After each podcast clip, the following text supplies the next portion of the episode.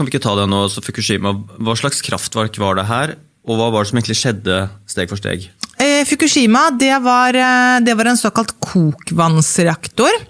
Um, det vil si da at den også bruker vann til å kjøle, eh, kjøle brenselet, men i motsetning til da en um, trykkvannsreaktor, så har en kokvannsreaktor den har da eh, litt lavere trykk inni um, inni reaktortanken, sånn at eh, vannet koker. altså Det er bobler i vannet. da. Mm. Så I en trykkvannsreaktor så er det, så er det høyere, høyere, trykk, og vannet, vannet koker ikke. Så det er sånn veldig de, de, er ganske, de, er ganske, like. Det er ikke sånn kjempestore forskjeller på en kokvannsreaktor og en trykkvannsreaktor. så det er sånn, måte, Begge to hører liksom innunder en liksom større paraply av reaktorer som er på en måte ok, 80% av verdens reaktorer består av da disse kokvanns- eller trykkvannsreaktorene, som egentlig liksom, eh, som begge deler og denne VVER-reaktoren i, i Ukraina går også innunder denne paraplyen her. De bruker vanlig lettvann, altså vanlig vann sånn som vi har i springen, til å kjøle ned eh, brenselet. Mm. Så var det sånn at da Eh, skal vi se nå, hvor, hvor, mye jeg husker av Fukushima. Jeg tror jeg husker, husker det meste. Men eh, det var jo da jordskjelv og tsunami. Og selvfølgelig så er jo Japan vant til både begge deler. Og er jo selvfølgelig Ting er jo konstruert for det. Da jordskjelvet skjedde, så var det en eh, såkalt flawless automatic shutdown. Det var da kontrollstavene de gikk inn i reaktoren. Reaktoren skrudde seg ned, akkurat sånn som den skal gjøre når det er jordskjelv.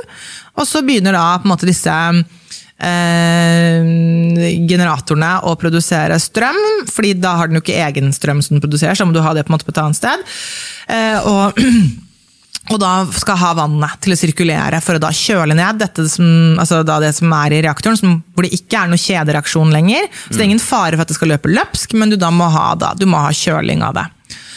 Men så kom jo da tsunamien, og det var jo på en måte det var tusenårsbølgen, ble, det, ble den kalt. Den var jo da større enn det, enn det kraftverket var, eh, var, beskyttet for. For det var jo beskyttet mot tsunami. Mm. La oss si at det var beskyttet mot en 10 meter høy tsunami, så var den kanskje 14 eller 16 meter høy. Og det er jo litt sånn Ja, hvorfor hadde de ikke bedre beskyttelse? Jo, det kunne de jo hatt, men man kan jo aldri beskytte seg 100% på noen ting. Man kan alltid si at ja, men tenk om det kom noe som var enda større. Enda, ja. enda mer. I hvert fall, så det var det ikke, så Bølgen kom, gikk over kraftverket, og da, eh, og da tok det jo med seg eh, både disse generatorene og backup-batteriene, og da var det da Så selv om de hadde da kjølevann, kjølevannet var i reaktoren, men hadde, det var en såkalt da loss of flow accident, altså man mister flowen, eller at man mister at vannet da sirkulerer ikke lenger.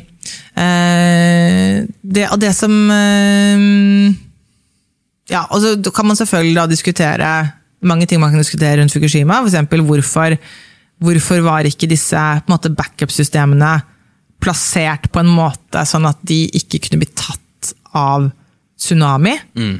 Eh, der har jeg sett folk skrive at designet på denne, denne Fukushima-reaktoren var egentlig, egentlig et amerikansk design og det er laget da med tanke på det de på en måte, der den er utviklet, så er det mer fare. Det er, liksom, det er ikke tsunami et spørsmål, det er orkan. Mm. Orkan og tsunami er på en måte stikk motsatt av hva du trenger. Liksom, hvor skal du plassere ting for å på en måte være sikker på at mm. ting ikke blir ødelagt. Så på en måte for orkan så ønsker du kanskje ønsker du å ta ting langt ned og under, på en måte ned i kjelleren. Mm. Eh, mens for tsunami vil du heller ha ting løftet opp. Liksom, ja. Så det er jo eh, en, bare en faktor om, om det. Da. Men i hvert fall, tilbake til ulykken. Da mistet du altså da sirkulasjonen av kjølingen. Og da skjedde det som eh, Det er ikke noe på en måte mm, ukjent eh, kjemi som, som skjedde da, for da som sagt, det fortsetter å produseres varme. Så, så, så du kan si at det da, når reaktoren har skrudd seg av, og det bare er denne ettervarmen, så er den i starten så er den på ca. 10% av alt det som totalt var.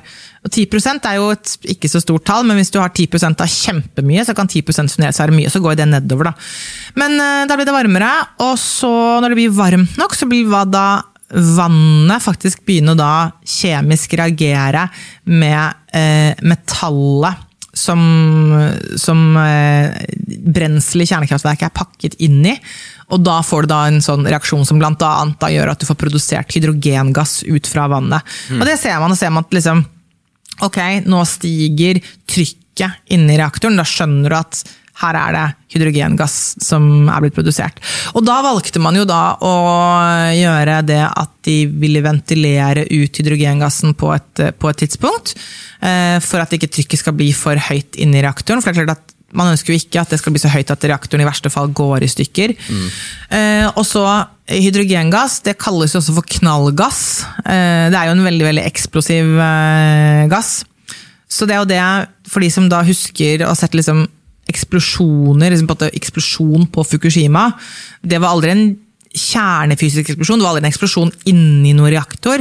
Det var da hydrogengassen som var blitt ventilert ut, og som da eksploderte på utsiden i fabrikkbygningen da, som liksom lå rundt. Det var ikke reaktoren som eksploderte. Mm. selvfølgelig, Man skal ikke ha en stor hydrogengasseksplosjon heller eh, rundt, uh, rundt, en reaktor sånn som det, men, uh, men det er liksom litt sånn viktig igjen da um, måte, jeg, for, for, meg så er det veldig viktig å få frem um, om det har vært en kjernefysisk eksplosjon, eller på en måte en, kall det en vanlig eh, gasseksplosjon, f.eks.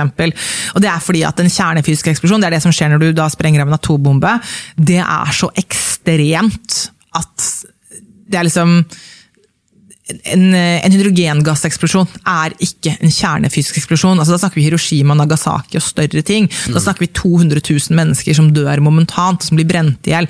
Det, liksom, det, det er ikke det vi snakker om når du har hydrogengass som eksploderer. Så, ja.